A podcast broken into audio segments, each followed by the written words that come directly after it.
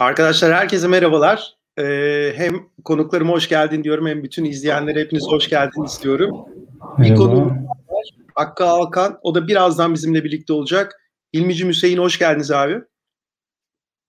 Merhabalar, hoş bulduk. Selamlar. Şimdi bu sektörel e, etkinlikler benim için çok değerli. E, biliyorsunuz uzun yıllar ben yurt dışındaydım.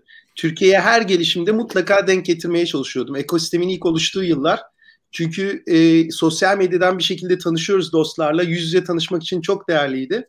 Pandemi sürecinde ne yazık ki yüz yüze yerine böyle uzaktan şey yapıyoruz ama hem e, böyle de olsa bir arada olduğumuz için hem de e, içerik bulutunu hem Ahmet Durmuşoğlu'nu hem bütün ekibi tebrik ediyorum. Content marketing alanında bu uzmanlıkta e, gerçekten bir etkinliğe e, böyle güzel bir etkinliğe ihtiyaç vardı. Çok güzel yapıyorlar bu etkinlikleri. Hakkı da hoş geldi. Hakkı hoş geldin. Hoş bulduk. Çok teşekkür ederim. Şimdi tam girişi yapıyordum. Diyordum ki bu etkinlikler sayesinde aslında sektörde network yapıyoruz. Sistem bir araya geliyor. Ee, bugün çok değerli konuklarımız var. Hepimiz konuşmayı seviyoruz. Çok güzel konular anlatıyoruz bence. Süremiz çok kısıtlı. O yüzden çok hızlı başlayacağım. Ben şöyle yapalım diyorum. Sizlere de uygunsa. O çok ikişer dakika hem kendi hikayeniz hem girişiminizin hikayesinden bahsederek bir tur başlayalım. Sonra ben, benim size birer sorum var ve mümkün olduğunca da e, bizim izleyicilerimizden gelen soruları almaya çalışacağım. Eğer biz 25 dakikada bir toparlarsak bunu son 15 dakikayı izleyici sorularına bırakmak istiyorum. E, o yüzden hızlıca baş, başlayalım. İstersen ekrandaki sıraya göre Hüseyin seninle başlayalım. Hüseyin Kılıç kimdir? Interesting Engineering nasıl doğdu, nasıl gidiyor? Herkese merhaba tekrardan. Ee, öncelikle İçerik Bulut ekibine teşekkür ederim. Umarım keyifli bir sohbet olur. Uh, Interesting Engineering'in kurucusu ve CEO'suyum. Interesting Engineering, uh, popüler bilim ve mühendislik konularında içerikler üreten bir uh, yeni medya yayıncısı. Uh, 2011 yılında kuruldu aslında, hatta 2010 yılında kuruldu. Bir blogspot üzerinden, web sitesi üzerinden kendimi geliştirmek için kurduğum bir siteydi. Aslında kendimi yetiştirmek için açtım ve herhangi bir şekilde medya şirketine dönüştürmek gibi bir amacım yoktu. O dönemde Facebook sayfalarının büyümesiyle e, sayfaya bayağı bir trafik akışı başladı ve şu anki halimize gelmemizde bizi bayağı bir ivmelendirdi. Şu an e, yaklaşık 17 milyona yakın takipçimiz var globalde. E, şirketimizin merkezi ABD'de ama genel operasyonlar İstanbul'daki ofisimizden devam ediyor. Ve yaklaşık herhalde bir 500 milyonu aşkın kişiye erişiyoruz. Tabii bu total, unik değil. E, bir 20 kişilik bir ekibimiz var İstanbul'da. Bu çok kısa bir süre içinde 30'lara varacak. Ee, yine ilk defa bu ay ABD'den tam zamanlı çalışan işe aldık. Ee, bizim için büyük bir milestone. Ee, büyümeye devam ediyoruz. Amacımız globalde bir başarı hikayesi yazmak medya alanında. Ee, hiç böyle başlamadı ama gerçekten bu yöne doğru gidiyor. Güzel bir ekibimiz var. Ee, verimli bir şekilde çalışıyoruz. Süper. Araya şunu belirteyim e, ben bilmiyordum Interesting Engineering'in bir Türk kurucusu olduğunu, seni tanımıyordum yıllar önce. Karşıma sürekli çıkmaya başladı. Bir gün ofiste sohbetini yaparken, geyini yaparken kardeşime dedim ya şöyle bir şey var, Facebook videoları çok iyi hep çıkıyor karşıma. Abi onun sahibi Antepli dedi. Volkan abi tanıyorum ya sağ olsun. Orada kulaklarını çınlattık. O zamandan beri tanıyorum. Süper. Sana sorularım olacak Hüseyin. Hoş geldin. Tabii ki. Teşekkürler. Yine son dönemde son dakika haberlerinle bomba gibi esiyorsun abi. E-girişimin kurucusu. İlmi kimdir? E-girişim nasıl başladı? Neler yapıyor? Bize çok kısa bir anlatsana. Tabii ben e, aslında benim hikayem birazcık hobiden girişimciliğe dönüştü. Ben e-girişimi ilk 2012 yılında kurdum. Hobi olarak kurmuştum. Kişisel bir blogtu. Yaklaşık işte çeşitli şirketlerde çalıştım. Hep startup şirketlerde çalıştım. İşte bunun kapalı çarşısı da var. Yemek sepeti, Etohum böyle bayağı ekosistemi içerisinde de çalıştım. Sonra 2016 Ocak'ta e-girişimi artık e, bir yatırımcının bir yatırımcının manevi desteğiyle artık bir şirket haline çevirdim. Yani 2016 Ocak'ta e-girişim şirketleşti ve o tarihten itibaren artık bir kişisel blog olmaktan çıkıp profesyonel bir içerik platformu haline dönüştü. Yani hobiden girişimciliğe bir geçiş yaptım. Ne yapıyorum? Aktif olarak 3-4 yıldır, 4-5 yıldır hatta Türkiye Girişim Ekosisteminden haber, içerik ve video üretiyorum. Ve bunları tamamen kaynağından üretiyorum. Kesinlikle hani e, yani ben bir haber üretiyorsam o haberi gidip yatırımcının kendisinden veya girişimcinin kendisinden alarak üretiyorum. Veya kurumlarla işbirliği yapıyorum. Hangi kurumlarla? Girişimcilik programı olan veya içerisinde girişimcilikle ilgili faaliyeti olan kurumlardan alıyorum ben bütün içerikleri. Bu şekilde yani olup biteni paylaşıyorum. Son dakika haberleri patlatıyorum. Yani ben tamamen girişimcilerin yanında olan bir e, yayıncıyım diyebilirim. E, şu an ofisimizde nerede?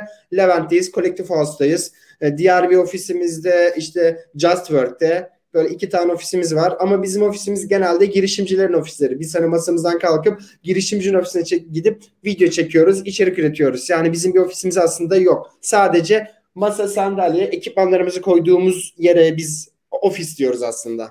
Ben haberin kaynağındayım diyorsun. Ekosistemin içindeyim, girişimcilerin ortasındayım. Çok doğru yerdesin. evet kesinlikle şunu da söyleyeyim. Duyum haberlerde de kaynağına güvenmediğim hiçbir duyum haberi de yayınlamam. Onu da ayrıca söyleyeyim. Süper. Yeni nesil gazetecilik üzerine sana zaten sorularım olacak. Ee, Hilmi hoş geldin tekrar. Hakkı Alkan Shift Delete Net. Hakkı içerikle medya oluşturmada aslında e, bence iki şapkayla burada. Bir Shift Delete Net markasıyla bir de Hakkı Alkan influencer olarak burada. Onunla ilgili de sorularım olacak.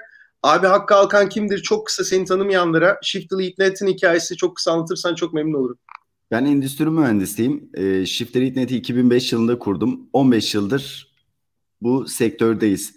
Sektörde şimdi ben işe başladığımda tabii bana örnek olacak bir yayın yok ki. Mesela işte bir künye na- nasıl yazacağız mesela ya da şirketi nasıl kuracağız?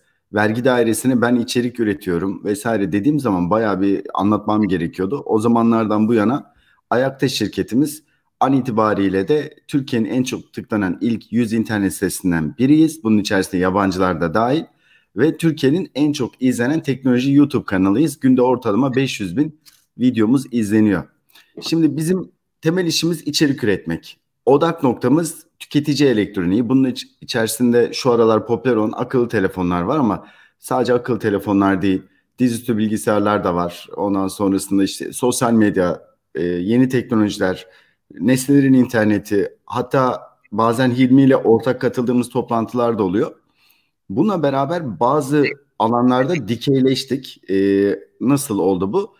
Mesela kadın ve teknolojinin önemli bir konu olduğunu düşünerek pembe teknoloji diye bir oluşum hazırladık.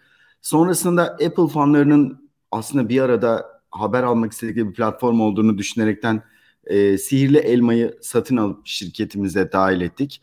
Sonrasında baktık ki Android fanları ne oluyor bizi niye unuttunuz diye onlar için e, Yeşil Robot diye bir yeni oluşum hazırladık. Tekinsight.com var girişimlere destek olmadığımız ama e, belki Hilmi de yaşıyordur benzer problemi. Orada ciddi bir insan kaynağına ihtiyaç var. Hilmi de mesela şu an one man show olarak devam ediyor. Halbuki yani bir gün içerisinde belki dört yere gitmesi lazım ama yani Hilmi gibi çalışacak bir e, ekip arkadaşını Hilmi'nin bulması zor. O kadar da yeni medya bölümü var. Bunu konuşuruz ilerleyen dakikalarda Ahmet. Yani bu etkinliğin önemli olduğunu düşünüyorum. Bununla beraber hani şunu yaptık bunu yaptık çok uzun anlatmayacağım. Yapmak istediklerimiz aslında benim burada anlatmak istediğim senin e, de dahil olduğun bu platform benim için çok kıymetli. Çünkü burada anlatanları ben çok dikkatli bir şekilde takip ediyorum. Her ne kadar işte en çok izlenen vesaire desek de burada kalmak bizim için daha önemli ve daha zor bir şey. Gelişen teknolojileri, değişimleri takip ediyorum. Gecemi gündüzüme katıyorum, çalışıyorum. Bunları söyleyebilirim Ahmet. Sohbet Araya girebilir miyim? Tabii Abi, tabii. Çok kısa bir araya gireceğim. Hakkı bak hani gerçekten hani şimdi herkes böyle yayında orada burada arkadaşlarını çevresindekilere böyle över pof poflar ama ben şunu samimiyetimle söyleyebilirim. Hakkı da gerçekten gecesini gündüzüne verip içerik üreten birisi. Yani hani bu, bak diğer yayınlarda da arkadaşlarım var. Okey hepsini tanıyorum, kurucularını tanıyorum ama Hakkı gerçekten çok ciddi bir şekilde çalışıyor. Bir günde 3-4 yerde olman gerekiyor. Sabah Teknopark İstanbul'un genel müdürünü çektim. Sonra Identify diye bir girişim var. Clubhouse'da onunla bir yayın yaptım. Şimdi buraya geldim. Gerçekten hani bizim gibi yani çok hani emek yoğun bir iş olduğu için bizim gibi ekosisteme daha fazla insan lazım. Bakın çok iyi üniversite demiyorum. Sadece emek yoğun iş olduğu için çok çalışacak insanlara ihtiyaç var bu ekosistemde. İnsan kaynağı sıkıntısını yaşıyorum. Hilmi şimdi çok samimi yaklaştı ya Ahmet. Mesela ben az önce bir 30 saniye kamerayı kapattım. Niye kamerayı kapattım? Çünkü öğle yemeği yedim. ee, abi sabah e, bir vakıf var. İşte öğrencileri ve çalışma arkadaşlarını işte doktorasını yapan insanlara burs veriyoruz dedi. Hani bunu takipçilerinize anlatır mısınız diye bir vakfın toplantısına katıldım. Vakıftakiler dedi ki ya işte biz sizinle daha çok iletişim halinde kalmıyoruz, gelin, kalmak istiyoruz, gelin konuşalım dedim. Benim koşarak ofise gitmem lazım. Çünkü buradaki bant genişliği ve ışık ortamı iyi. Yani cep telefonundan katılmak istemedim bu etkinliğe. Evet. Şimdi bakıyorum navigasyona 13 12.59'da buraya varıyoruz. Ofiste dedim ki bana çok hızlı yenilecek bir şey söyleyebilir misiniz? Ne söyleyeyim? Dürüm dediler. Ve o kamerayı kapattım 30 saniyede dürümü gömdüm abi yani. Afiyet olsun. Ya aslında şimdi şöyle bir şey var. Her işte şimdi ben birer size özel soruya geçeceğim. Ee, çok kısa beni tanımayanları da ben de çok uzun yıllardır yurt dışında içerik tarafında da çok işler yaptım. Önce e-ticaretle başladım. İçeriye geçişim de şöyle oldu. O zamanlar Google reklamları yok, şey yok. Ben gerçek dinozorum. Ve dedim ki yani insanları bu kurduğum e-ticaret şirketine getirmem lazım. E, SEO'yu öğren, işte içerik yaz vesaire. İngilizce birçok şeyimiz oldu. 2012'de Türkiye geldiğinden beri de Türkiye'de de içerik anlamında başarılı başarısız işlerimiz oldu.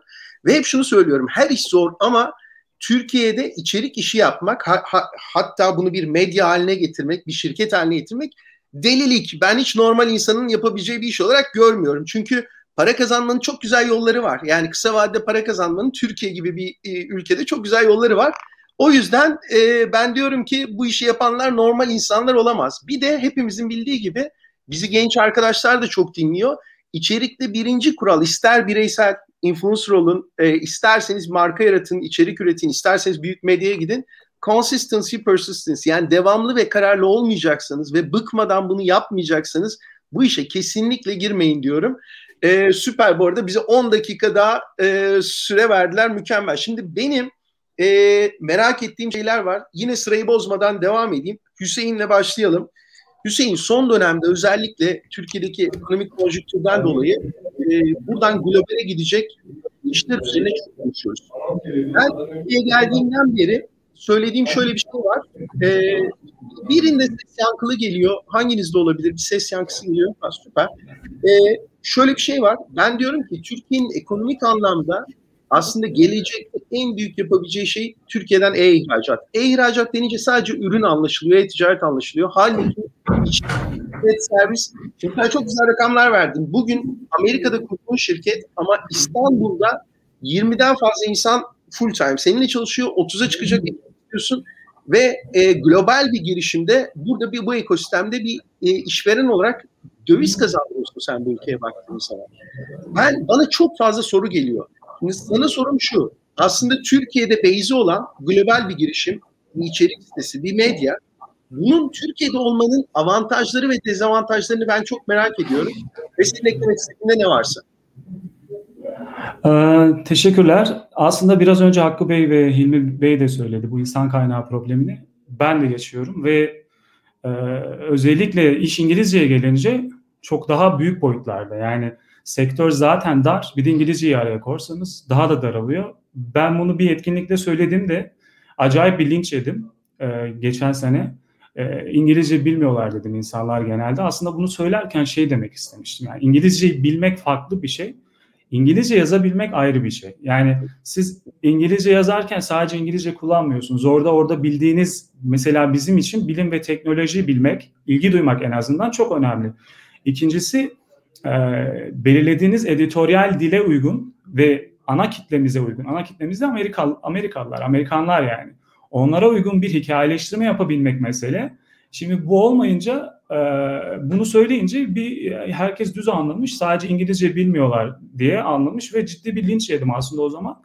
E, aslında e, Türkiye'de olmanın çok faydası var. Özellikle ekonomik anlamda. Şu ana kadar interesting engineering çok zor süreçlerden geçti ve şu anki haline aldı.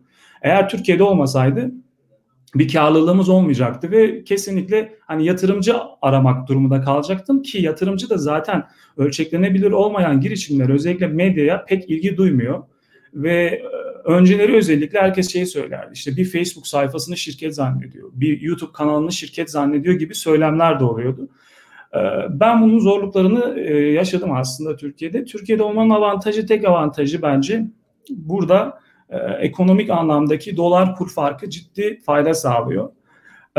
Özellikle şey tarafı ama yetenekli insanlar var. Özellikle görsel medya ve tasarımsal anlamda yani o o alanlarda insan kaynağı fazla ama dediğim gibi editoryale geldiğinde editoryalin dinamiklerini bilen insanları bulmak zor. Mesela şeyde zorlanıyoruz. Yani e, yazar olarak alacağımız insanların gazetecilik ilkelerini bilmesini istiyoruz. Normalde e, ne olması gerekiyor? Gazetecilik mezunu insanı işe alırsınız. İngilizcesi çok iyidir. Zaten adamın hayali gazeteci olmak ve gazeteci olmuş. Onun için medyada e, medya 7-24'tür. İlk bir haberi ilk çıkmak çok önemlidir ya da büyük kitlere ulaşmak onun için çok önemlidir. Çünkü içinden geliyor. Bu duygusal bir şey. Bunu öğretmek çok zor. Ama İngilizce iş gelince gidip insanları İngiliz edebiyatı mezunu veya Amerikan kültür mezunu gibi bölümlerden alıp yetiştirmeniz ve bu gazetecilik ilkesini ona aktarabilmeniz gerekiyor. Yani bu çok zor. Bunda çok zorlandık. Ee, yani Türkiye'de olmanın dezavantajları bunlar. İçerik işini yurt dışına pazarlamak gerçekten ilk başlarda e, biz şeyle başladık, SEO trafiğiyle başladık. Yani search'ten trafik geliyordu. E, onu döndürebiliyorduk. Şey, e, reklamlarla e, gelire döndürüyordum. Onun dışında Facebook büyüdü zaten. Facebook'tan trafik geliyordu. Yine onu da bir şekilde e, gelire dönüştürüyordum. Ama burada amaç devamlı şeydi. E, impression yani görüntülenme kazanıp gelire dönüştürmek rakamlarla. E, bu anlamda Türkiye'de özellikle viral içerik üretirken e, biz biz bu arada curator'ız. Yani eğer zaten orijinal içerik üretimi yapsaydık şu ana kadar mümkün değil. Şu anki seviyemize gelemezdik. Bundan sonraki süreçte birazcık ona geçmeye başlayacağız. Yani orijinal içerik üreticiliğine geçmeye başlayacağız. Bu e, viral içerik üretimini yapma sebebimiz de yine dediğim gibi hızlı para kazanmak, cash kazanmak ve işi döndürebilmek. Bunun için ne yapıyorsunuz? İşte clickbait'e kadar gidebiliyorsunuz ve yayın kalitesi aslında düşüyor. Ee, dedim Türkiye'de biz insan kaynağı probleminde e, sorun yaşadık ama ekonomik anlamda e, ve gerçekten iyi bir ekip oluşturabilirseniz özellikle tasarım ve yazılım tarafında kaliteli insanlar yani şey büyük sektör e, büyük e, iyi fayda sağlıyor. Çok güzel noktalar. Ee, Hüseyin tekrar geleceğim. Eklemek istediğin şu anda başka bir şey yoksa sohbette geleceğim sana. Tabii. Ee, çok güzel bir noktaya değindin. Hilmi'ye sözü verirken gazetecilik kökenli dedin. Şimdi son yıllarda baktığımızda bir yeni nesil tüketici gerçeği var. Ben Türkiye geldikten sonra uzun süre yeni nesil tüketici akademik olarak da çalıştım. Davranışlar, alışkanlıklar tamamen değişiyor. Şimdi gazetecilik diyoruz ama sadece Türkiye için söylemiyorum. Dünyada gazetecilik ne durumda? Gelişmiş ülkeler dahil bu çok tartışılıyor çok ufak bir zümre kaldı gerçek gazetecilik yapan. Şimdi yeni nesil tüketici artık gazete alıp televizyondan haberi almak istemiyor. Yeni mecralardan, yeni kanallardan almak istiyor ve ciddi bir değişim dönüşüm yıl sürecindeyiz son 5-10 senedir. Bu anlamda Hilmi benim sana aslında özellikle sorduğum nokta sen aslında yeni nesil bir gazetecilik yapıyorsun. Kanal bağımsız hem e-girişimde hem YouTube'da hem sosyal medyadasın. Ee, senin için Hilmi olarak Nasıl görüyorsun bu yeni nesil medya, yeni nesil gazetecilik nereye gidiyor? Çünkü çok fazla tüketim toplumuyuz ya artık. Her yerden bilgi akıyor ve bizim artık vaktimiz yok. Biz öyle insanlarız. Bizim hiçbir şeye vaktimiz yok. Sen tüketicine nasıl ulaşıyorsun? Sen okuyucuna nasıl ulaşıyorsun? Planların var mı bu süreçle ilgili? Bir de merak ettiğim özellikle bir konu var. Bazı şeylerde mesela geçenlerde e, getir haberini sen, şimdi çok güzel bir örnek gazeteciliği. Getir haberini çıktın. Onu da merak ediyorum. İki gün sonra ben geleneksel medyada gördüm. Hani o kadar artık geriden geliyor geleneksel medya. Onun da hikayesini de merak ediyorum. Nasıl ulaştın, nasıl yaptın? E, nereye gidiyor bu yeni nesil medya gazetecilik değil mi? Evet daha sonrasında Getir haberi Business Insider Business Insider tarafından da kaynak e-girişim kaynak gösterilerek yayınlandı.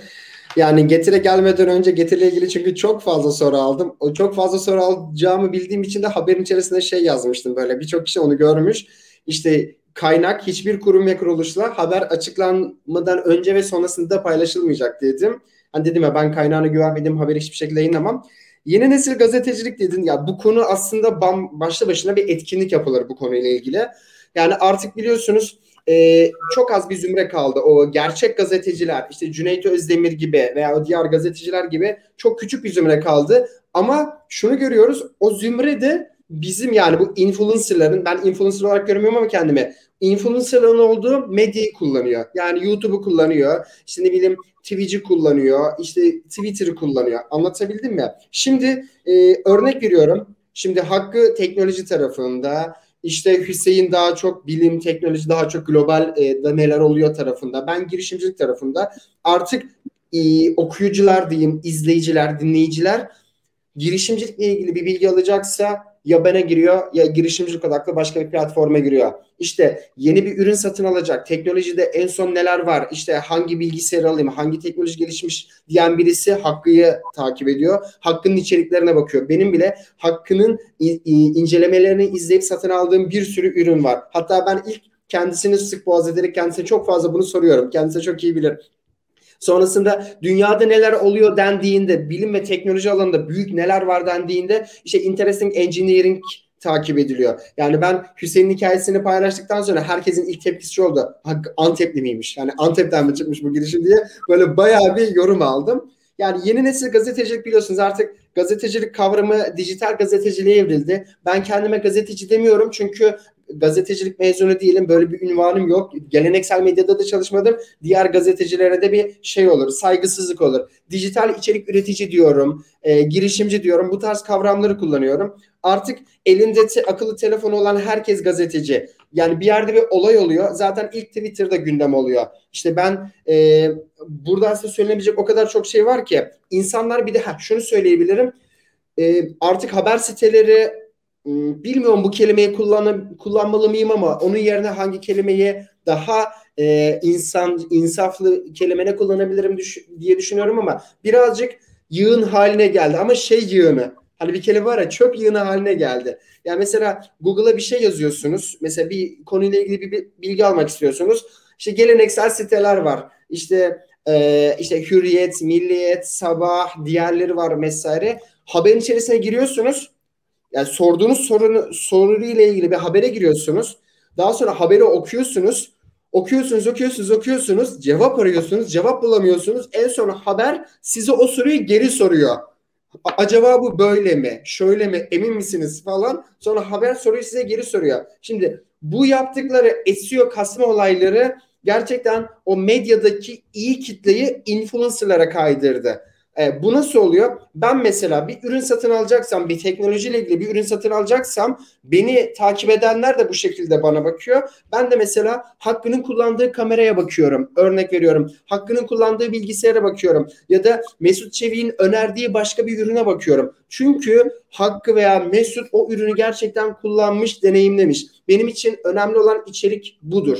Yani çünkü işin kaynağında olan insanlar haber e, haber şirketleri nedir? Onlara içerik ajanslardan gönderilir. Onlar yayınlarlar. Ya da kendileri içerik üretmek istiyorsa gidiyorlar bir şeyi haberleştirmeye çalışıyorlar. Yani haber yapmıyorlar aslında. Bir şeyi haberleştirmeye çalışıyorlar. Yani yeni nesil gazetecilik, yeni nesil aslında gazetecilik, yeni nesil gazetecilik şu. Yeni nesil dijital içerik üreticiliği diye bir şey var. Birçok insan neden influencerlar bugün popüler oldu? Çünkü e, Danla Bilic'in kullandığı makyaj ürünlerine bakmak istiyorlar. İşte Bensu Soral hangi eş ürünü giyiyor ona bakmak istiyorlar. Anlatabildim mi? Yani artık markalarda e, markalardan daha çok yani o örnek veriyorum Bugün markalar shift ile evet çalışıyor ama ne kadar shift ile çalışıyorsa en az o kadar Hakkı Alkan'la da çalışıyorlar. Çünkü Hakkı Alkan'ın takipçileri Hakkı Alkan örnek veriyorum şu tripodu kullandığı için onu satın alıyorlar. Shift Elite'in şu tripodu e, haber yapması örnek veriyorum 10 tane satıyorsa Hakkı Alkan'ın bunu haber yapması Hakkı Alkan olarak 150 tane satıyor. Eminim kendisi de bununla ilgili destekleyici şeyler söyleyecektir. Yani dediğim gibi yeni nesil gazetecilik e, tamamıyla artık e, bireysellikten oluşuyor. Yani izleyiciler, dinleyiciler, okuyucular bireysel içerik üreticilerinden daha fazla ilham alıyorlar. O kaliteli kitle yani kaliteli diyorum ama burada sınıf ayrımı yapmıyorum. İşte e, o sonuca varacağınız para ödeyecek ya da ne bileyim gerçekten ulaşmak istediğiniz o kitle içerik üreticilerini takip ediyor diyebilirim. Aslında yeni nesil gazeteciler. Bilmiyorum devlet bu konuda bir e, şey yapar mı? Yani bu gerçekten işte hakkını mesela şu an galiba basın kartı yok. Benim de basın kartım yok. Hüseyin'in de yok. Ama biz ciddi anlamda içerik üretiyoruz. Devlet yeni nesil dijital içerik üreticiliği diye bir sarı basın kartı gibi bazı haklara sahip olduğumuz bir girişimde bulunur mu? Vallahi bunu da merakla bekliyorum. Güzel nokta. Yok kesinlikle olmalı çünkü ben aslında... o konuda bilgi verebilirim doğrudan bu soruya. Geçtiğimiz günlerde bizi e, Cumhurbaşkanlığı Özel Kalem Müdürü Hasan Doğan davet etmişti. YouTuber'ları, influencer'ları. Orada neler söylemek istersiniz demişti. E, bu madde de vardı. Orada dediler ki yani size de mi bir basın kartı verelim? Ben o basın kartını doğru bulmadım bu arada Hilmi. Çünkü zaten şöyle biz yeni nesil bir içerik üreticisi olduğumuz için geleneksel basın zaten bize şu anda biraz e, nasıl söyleyeyim biliniyor. Savaş açmış durumda. Savaş demeyeyim de yani biliniyor. Kıskanıyor olabilir. Sarı basın kartını onlardan biz alırsak bunlar nasıl sarı basın ben işte mesleğe 30 yılımı verdim vesaire böyle şey. Ben dedim ki sosyal medyada mavi tik var. Mesela bize mavi kart verin. Böyle mavi tikli bir şey verin. O zaman biz içerik üreticisi olalım vesaire gibi. Bununla alakalı bir videoyu ben bu akşama yetiştiririm. Alper Rende vardı. E, kız arkadaşı vardı. Betül yanlış hatırlamıyorsam. E, evet. E, aynen onları konuşturmuştum. Ben de bir şeyler konuştum. Bu akşam ben o videoyu yayınlarım. Sadece bu konuya bir ekleme yapayım dedim. Bu konu gündemde. Bir de tabii ki ben siyasetçi değilim. Ama gelişmeleri takip ediyorum ve Türkiye'de işler böyle yürüyor. E, nasıl yürüyor onu söyleyeyim. Mesela bir partinin lideri tabii ki vermeyeceğim. Dedi ki daha çok fazla işte iletişimciye, gazeteciye ihtiyaç var. Ondan bir başkası a doğru falan hadi üniversitenin iletişim kısımlarını bir yeniden hayata geçirelim dediler. Ama günün sonunda bak bugün itibariyle işte siz bu eksiği kapatmak için oluşturulan bir platformda şu anda konuşuyoruz. İçerik bulutu. Hilmi diyor ki ben yetişmeye çalışıyorum ama insanüstü çalışıyorum. İşte biz de yine aynı şekilde ben habire birilerini yetiştiriyorum. Yani şu anda bizim çalıştırdığımız arkadaşlar benim sıfırdan alıp yetiştirdiğim insanlar. Çok da güzel yerlere geliyorlar ama yapacak çok iş var. O kadar fazla iş var ki. Mesela bir tane site açtık biz. Adı Sosyopat. Mesela o sitede şunu düşünüyorduk biz. E, sosyal medyada olan bitenleri anında e, paylaşalım. Yani bu bir sosyal medya için geliştirilen bir tool olabilir. Instagram'da yeni bir özellik olabilir. Facebook yeni bir şey yapmıştır. Bunları anlatan bir haber sitesi olsun Google News'a kayıtlı, web sitesi var, sosyal medya hesapları vesaire kurulu ama ne yok? Çalışacak insan yok. Yani yok. Ve bu felakete doğru gidiyor. Felaket nedir biliyor musunuz? Artık içerikten umudunu kesmiş bir okuyucu topluluğu ya da izleyici topluluğu. Yani insanların haber sitesinden bir beklentisi kalmayacak giderek. Yani işte bu arama motoruna e, içerik mesela hafta sonu Sakarya'daydım ben. Şimdi cumartesi günü Sakarya'da sokağa çıkma yasağı var mı yok mu bilmiyorum. Yani Google'a sorayım dedim. Bak bir daha sormam onu gerçekten. Beş tane site gezdim ya. Hiçbirinde de aynen. Haber şöyle başlıyor. Hafta sonu sokağa Sakarya'da sokağa çıkma yasağı var mı yok mu? İnsanlar bunu merak ediyor. Yani bunlar var artık botlar tarafından da yazılıyor. X koy oraya. X'e aranan terim neyse onu koy. Geri kalan sabit bak. Sabit olan şu X insanlar tarafından çok merak ediliyor. X hakkında çok fazla söylenti var ama X ile alakalı en açıklayıcı bilgileri bu haberde bulacaksınız. Böyle böyle gidiyor gidiyor. Abi yok. Yok yani böyle bir şey yok. Yani bu, bu aslında ben bunu fırsat olarak görüyorum. Özellikle geleneksel medya bu trafik şeyine çok düştü oyununa bana sorarsanız. E, işi kaliteye çekmektense tamamen trafik oyununa çekti. Bunu yıllardır böyle. Ama işte benim benim fikrim o yüzden sizler gibi yeni nesil medya o yüzden doğuyor. Çünkü bir ihtiyaç oluştu. Şimdi e, benim hakkı senin tarafta merak ettiğim, şimdi aslında çok güzel noktalara değindin. Bireysel markanla kurduğun oluşumun markasını bir arada yürütmek çok zor bir şey. Şimdi örnek vereyim TechCrunch benim yıllardır okuduğum bir platform. Ama Michael Arendt'in gittiği zaman hiçbir zaman o TechCrunch olmadı benim için. Bir sen burada konumlamayı bilinçli mi yaptın? Nasıl yaptın? Yani Hakkı Alkan'la Shift'lı İtnet konumlaması nasıl yaptın? İki, aslında benim çok gelen sorulardan birisi birçok genç şu anda belli uzmanlık alanlarında influencer olmaya çalışıyor. Senin gibi olmak istiyorlar, işte modaysa Danla Bilic gibi olmak istiyorlar vesaire. Onlara gerçekten böyle somut böyle tavsiyelerini onu çok merak ediyorum. Hem kişisel markanı nasıl ayırıyorsun evet. de tavsiyelerin çok önemli. Ayrımı şöyle yaptım. Bir gün şimdi Türkiye'deki e, dijital marketing ekipleri maalesef olayları tam böyle kavramadan işlere bakıyorlar. Tamam mı? Yani kendi işlerine, dünyadaki değişimleri ben anladım, kendi işime uygulayacağım. Bu nasıl ilerliyor? Şimdi ben bir toplantı gördüm. Toplantı bir teknoloji markası, küresel bir teknoloji markası yeniliklerini anlatıyor. Allah Allah davetler arasında biz yokuz. Ondan sonra ben dedim ki yani burada biz niye yokuz acaba? Hani buradaki gelişmeleri anlatsak çok iyi olur.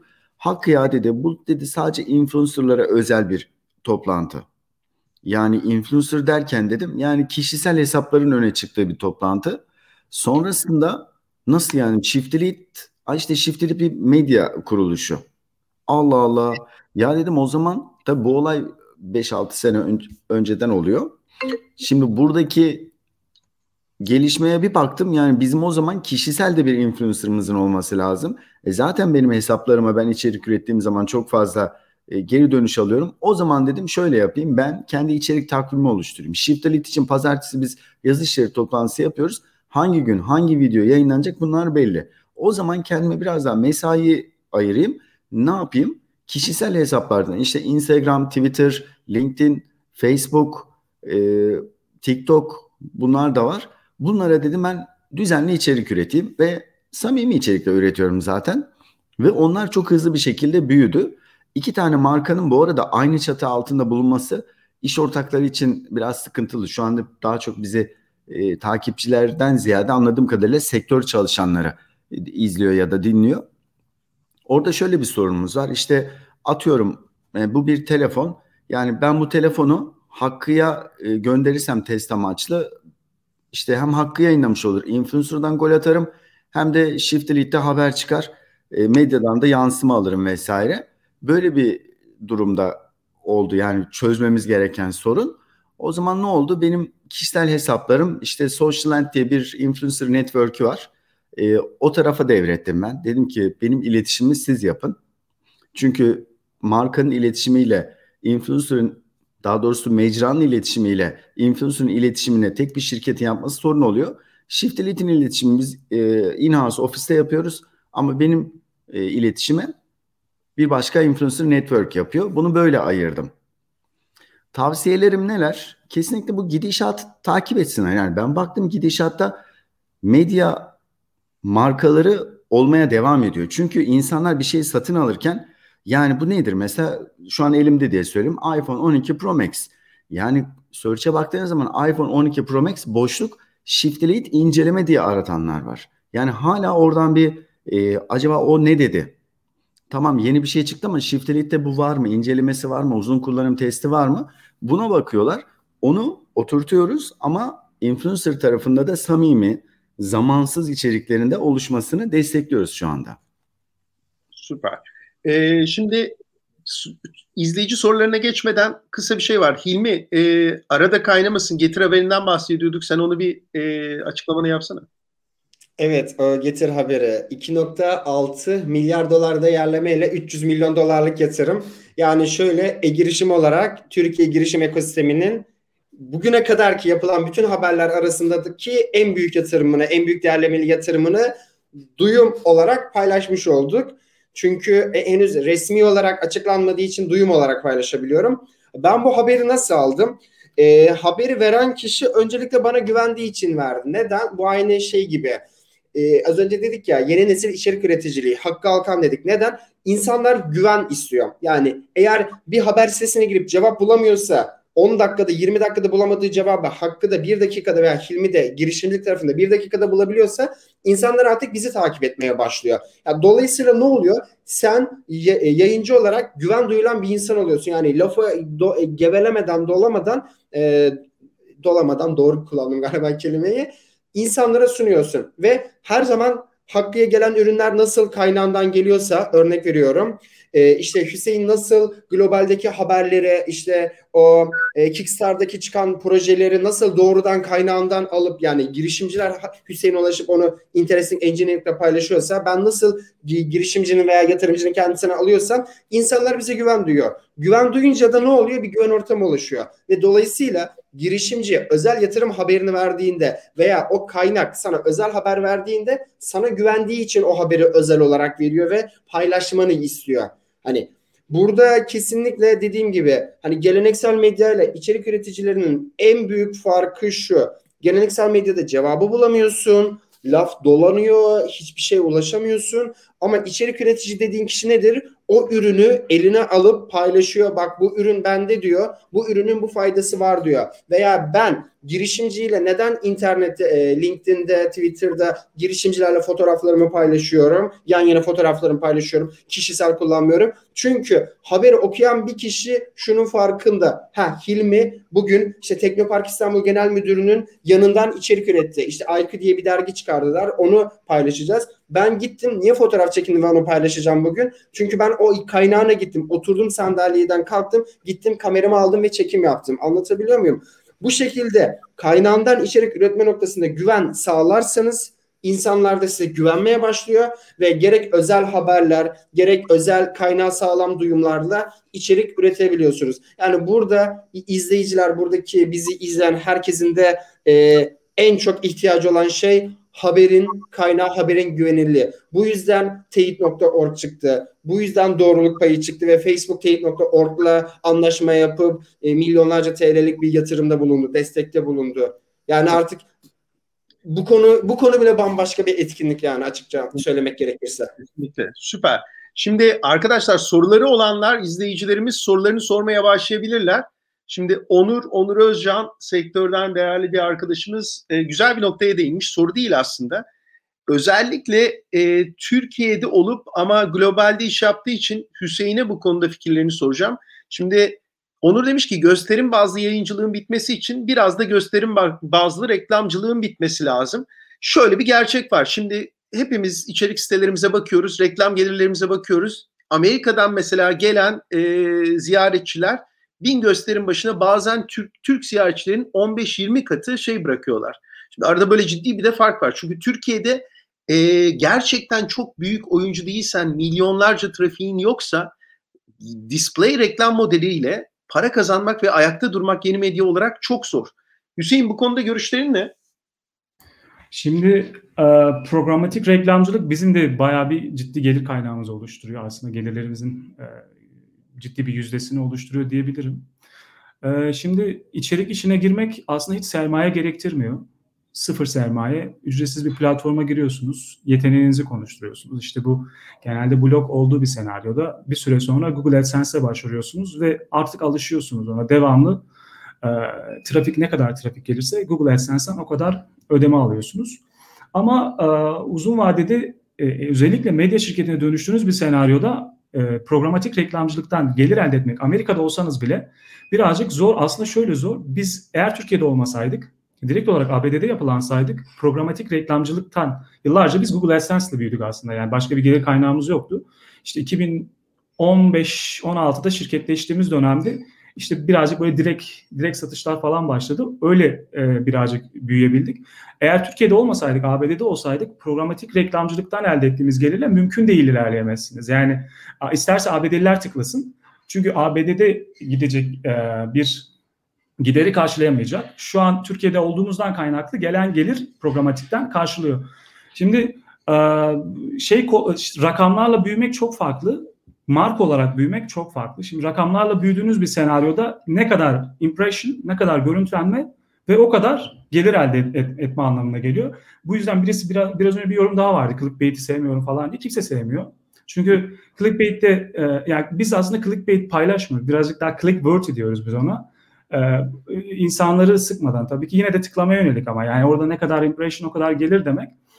E, bunu ben reklam tarafını bırakacağını düşünmüyorum. Çünkü orada da ciddi bir şekilde bir teknoloji var. Yani orada ot- otonom bir teknoloji var ve insanlar çok kolay bir şekilde reklamlarını hedef kitlelere ulaştırabiliyorlar. Ama biraz önce İlmi'nin bahsettiği gibi herkes içerik üreticisi olmuş. içerikler o kadar çoğalmış ki siz onun içinden artık kaliteli bir e, şey arıyorsunuz, platform arıyorsunuz. Yani insanlar bir de çok yoğun artık hayatlarında ve e, bu yoğunluklarının içinde bilgiyi direkt net olarak doğru kaynaktan alabilecekleri şey arıyorlar. Bu yüzden işte newsletter'lar falan türedi. İçerik kalitesi arttığı bir senaryoda bu sefer programatik reklamcılığın anlamı kalmıyor. Çünkü hedef kitle çok daralıyor. Yani siz çok belli insanlara hitap etmek zorunda kalıyorsunuz. Bu durumda da direkt satışlar yapmanız lazım. Direkt satışları yapabilmeniz için bizim açımızdan mesela Türkiye'den yapmamız çok zor. Yapamıyoruz. Çünkü bizim New York'ta ajanslarla e, beraber çalışmamız lazım. Onları tanımamız lazım. Bizi tanımaları lazım. Güvenmeleri lazım. Bize öyle geliyorlar. E, şimdi e, hep ikisi birbirine zıt şeyler. Yani kaliteli içerik üretim derken bu sefer direkt reklam satmanız lazım ki bir gelir elde edesiniz. Ama öyle bir durumda değilsiniz. Bu yüzden rakamlarla işi götürmek zorundasınız. Yani sizin rakamlarla işi götürebilmeniz için en basit yolda Google, Google AdSense tarzı ya da ve benzeri birçok şirket var. Programatik reklamcılık. Bunun başka çözümü yok maalesef. Ee, artık e, reklam sektörü de birazcık dengesizleştiği için ve özellikle ödeme termleri çok değişmeye başladı. Yani siz geliri bu ay kazanıyorsunuz ama 3 ay sonra ödüyorlar. Bu sefer siz o 3 ay içinde birçok gideriniz var. Ee, teknik giderleriniz var, çalışanlarınız giderleri var ve özellikle sektörel gelişmelerden mesela bu pandemi sürecinden çok ciddi etkileniyor şey bu programatik reklamcılık ve şirketi düzenli bir şekilde ilerletmek, e, karlılığa götürmek mümkün değil. O yüzden e, şu dönemde işte bu e, kitlenin daralmasıyla beraber kaliteli yayıncılığın ön plana çıkması gerekliliği oluşuyor. Yani çünkü çok fazla içerik var. Bunların arasından sıyrılmanız lazım. Bunu da gelire dönüştürebilmeniz lazım. Gelire dönüştürebilmeniz için ya dediğim gibi direkt satış yapacaksınız. Niş bir alanda dar bir kitle hitap edip ya da e, üyelik modeline geçeceksiniz. Üyelik modeliyle insanlardan direkt olarak, direkt sizi ziyaret eden insanlardan kaliteli içerik karşılığında para alacaksınız. Biz e, Interesting Engineering'de mesela şu an altyapımızı ona göre hazırlıyoruz. E, herhalde bir Temmuz Ağustos'ta biz artık tamamen e, üyelik modeline geçeceğiz. Tabii bir taraftan reklamlar olacak ama genel olarak hedefimiz üyelikle büyümek. O da çok zor yani o da çok kolay değil çünkü yani şöyle bir şey var. Şimdi ben deseydim bir şirket kuruyorum ismi Tracing Engineering işte teknoloji ve bilim alanında içerik üreteceğim. Sıfırdan başlıyorum. Hiç takipçim yok. Kimseler yok. Böyle bir senaryoda mümkün değil. Benim subscription üzerine bir gelir modeli, iş modeli oluşturmam mümkün değil. Kim üye olacak? Niye üye olsun? Yani e, anlamı ne bunun yani? Sen istediğin kadar kaliteli içerik üret. Ama biz mesela o viral içeriklerle yıllardır yaptığımız o clickworthy dediğim tarzdan içeriklerle bir ciddi bir kitle oluşturduk. Yani e, insanlara e, kaliteli içerik sunduğumuz bir senaryoda muhtemelen ciddi anlamda bir üyelik modelinden gelir elde etmeye başlayacağımızı düşünüyorum açıkçası. Süper. Şimdi 5 dakikamız kaldı. Hızlı bir şekilde Hakkı'ya çok soru geliyor. Ee, abi senin gibi nasıl olabilirim de başlayan tabii ki influencer olmak isteyen yeni nesil Türk gençliğinin çok sorusu var. Burada güzel bir soru var Fırat Demirel'in. Ee, Shift Lead Net ve e-girişim özellikle Türkiye olduğu için size ikinize soruyor. Ee, çıkış yapmayı veya satın alma yapmayı düşünüyor mu? Satın almalardan Hakkı bahsetti zaten ama şimdi exit zor bir iş. Türkiye'de daha da zor bir iş. Çünkü aslında bir içerik girişimi kime exit yapabilir? Başta geleneksel medya exit yapabilir değil mi? Geleneksel medyada hepimizin konuştuğu dertler var. Şimdi acaba e-girişimi Shift Lead Net'i liste yeni medyayı geleneksel medya satın alsa yürütebilir mi? Siz ne düşünüyorsunuz bu konuda? Eminim teklifler de gelmiştir Hakkı bunca yılda bir sürü yerden. Ben canlı yayında hemen bir teklifte bulunayım. Ben e-girişimi satın almak istiyorum. Şaka değil. Ee, bu bir. İkincisi e, şöyle bir durum var. Bizim sahip olduğumuz şu anda yönettiğimiz ortamı tabii ki geleneksel atıyorum bir Demirören grubu ya da ne var? Sabah Türkaz Medya falan satın alabilir mi? Alabilir aslında. Aldıktan sonra da nasıl diğer startuplarda e, böyle bir birkaç yıl, üç yıl biz buranın işte hem genel müdürü olabiliriz, e, destekleyebiliriz. Tabii ki bunlar mümkün, bunlar yapılabilir. Ama bunların çok iyi bir işletim e, nasıl desem silsilesi olması lazım. Yani acaba gerçekten şu anda kurumlarımız satın alınabilir vaziyette mi? Finansal olarak, yönetimsel olarak, muhasebe, insan kaynakları, e, sözleşmeler, hukuk, e, üretim planlama sonuçta bir içerik üretiyoruz. Bunların da düzenli bir şekilde oturtulması lazım. Bunlar olursa neden olması yani yapılabilir. Sürdürülebilir. Ben haberi geçiyorum yalnız. Şok şok şok. Hilmi biliyor zaten. Bu e-girişime çıkabilir Hilmi. Yapmıyorum. Hilmi'ye bir defa söyledim. Ee, Hakkı galiba abi iki senedir e, muhtemelen 7-8 kere ciddi anlamda evet. ya ya da bir senedir ciddi anlamda seni ne zaman satın alıyoruz demişliği var. Yani ciddi anlamda var. Yani şöyle e, gerçekten geldi. Hilmi resmi teklif geldi artık bir ilk toplantıya yani şöyle yani girişimciliğin tadını almak da başka. Hani önümüzde almamız gereken çok yol var. Yani bugün belki bir bir exit etmek yani girişimi satmak değil ama belki örnek veriyorum. Neden ciddi bir işbirliği olmasın? Yani bunlar olabilir. Ama dediğim gibi e-girişim şu an herhangi bir şey satın almayı düşünmüyor. Çünkü henüz o kadar satın alacak param yok. yani işin esprisi bir tarafa. Yani e-girişimi bir gün exit eder miyim? Hani bir gün neden olmasın? Anlatabildim mi? Ya çünkü e, bu bu da bambaşka bir konu. Girişimine aşık olmamak, vaz, durma, durman gerektiği noktada durmak, vazgeçmen gerektiği noktada satışını yapmak vesaire. Hani o doğru teklif doğru zamanda geldiğinde tabii ki insanlar girişimler exit etmeli. Sonuçta eğer benim yatırımcım yok ama girişiminizde bir yatırımcı varsa yatırımcı da doğru zamanda exit etmenizi bekliyor. Ha, neden olmasın? Ama Görüşelim. neden olmaz? Mesela çok güzel bir yorum var. Doğan galiba diyor ki Hilmisiz e-girişim tahinsiz pekmezdir. Hilmi'yi de ekipte tutman gerekiyor abi. Dediğin gibi belki güzel bir işbirliği olur. Belki e, bu tarz şeylerde acquire modeli dediğimiz dünyada çok güzel örnekler var. Aslında kurucunun ufak bir hissesini tutup bir yandan yönetici olarak devam ettiği modeller var. Ben şeye çok inanıyorum burada. Hani güç birliği sonuçta Shift Delete Net'in hakkında oluşturduğu ciddi bir ekosistem var. Ee, orada kazan kazan çok güzel yapılar olabilir. Ben, inşallah belki bu sohbet yani, biraz sonra olmasına vesile olur. Neden olmasın? Şey var. E-girişim zaten şu an böyle gerçekten hani bunu şu, madem söyleyeyim hani madem böyle ufak ufak itiraflar yapılıyor. E-girişime 2-3 tane yatırımcı gelip yatırım yapmak istiyor ama ben şey diyorum ben bağımsız kalmak istiyorum. Bir süre li- lifestyle olarak devam etmek istiyorum hayatıma. Hani bu şekilde biraz devam etmek istiyorum. Eee bir şey daha diyecektim ama unuttum. Ha mesela şey yaptım ben. Artık böyle teklifler gelmeye başlayınca ben e-girişimde 2010 2020'den çıktık değil mi? 2020'nin sonuna kadar Hilmi olarak fatura kesiyordum. Hilmi Öç olarak kesiyordum. İşte 2020'nin sonu, 2021'in başı e-girişim medya hizmetleri aşı oldu. Neden aşı olduk? Hani çünkü yatırım alırsam ya ortaklık kurursan karşındaki şirket aşı olmanı istiyor. Limited'de bunları yapamıyorsun. İşte aşı olduk. Hani bu tarz ortaklıklarda gelmeyecek değil yani. Hani olabilir, sürprizler olabilir. Yani yarın e-girişimin ne olacağını bilmiyorum. Bugün ayın kaçı? 25 Mart. 26 Mart'ta ne olacağını bilmiyorum. Ya da bir sene sonra ne olacağını bilmiyorum ama şu anki en büyük hedefim e-girişimi hızlı bir şekilde büyütmek yani. Süper. Ya çok güzel sohbet oldu. Ee, 40 dakikaydı süremiz. Sağ olsun İçerik Bulutu ekibi bize 10 dakika daha verdi. 50 dakika ben hiç doymadım. Saatlerce konuşurduk. İnşallah başka platformda ileride yine bu sohbetlere devam edelim. Çünkü e, kendi alanında tecrübeli, başarılı insanların tecrübeleri aslında bence özellikle girişimcilik sektöründe e, yeni başlayan birçok arkadaşa çok faydalı oluyor. Ben iki sayfa not aldım sizlerle bu sohbetimden. E, üçünüze de çok ayrı ayrı çok çok teşekkür ediyorum. E, çok güzel bir sohbet olduğunu düşünüyorum. İlk fırsatta tekrar görüşmek üzere. Varsa son sözleriniz vedalaşalım derim.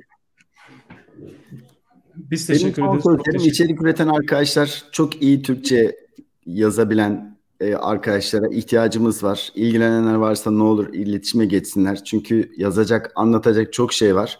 Bundan beraber e, izleyicilerin de kaliteli içerik üreticilerini desteklemesini istiyoruz. Bu destek nasıl olabilir? Sosyal medya hesaplarını takip edebilirler. Onlarla etkileşime girebilirler. Hilmi'nin e, şu anda gerçekten sabah akşam demeden yaptığı işte en büyük motivasyonu gelen yorumlar, gelen like'lar, paylaşımlar. O nedenle eğer e, tabii ki böyle hani nasıl desem hayır istemiyoruz da yani gerçekten etkilendiyseniz, gerçekten hoşlandıysanız bunu bir etkileşimle belirtirseniz içerik üreticileri çok e, mutlu oluyor. İzleyicilerimizden de bunu söyleyebilirim. Çok güzel noktalar. Hüseyin iyi İngilizce bilenleri de sana yolluyoruz abi. Gelsinler abi direkt. çok teşekkürler. E, üçünüze de ayrı ayrı çok teşekkür ediyorum. E, ilk fırsat tekrar görüşmek üzere. Herkese iyi günler. Görüşürüz. Teşekkür ederiz.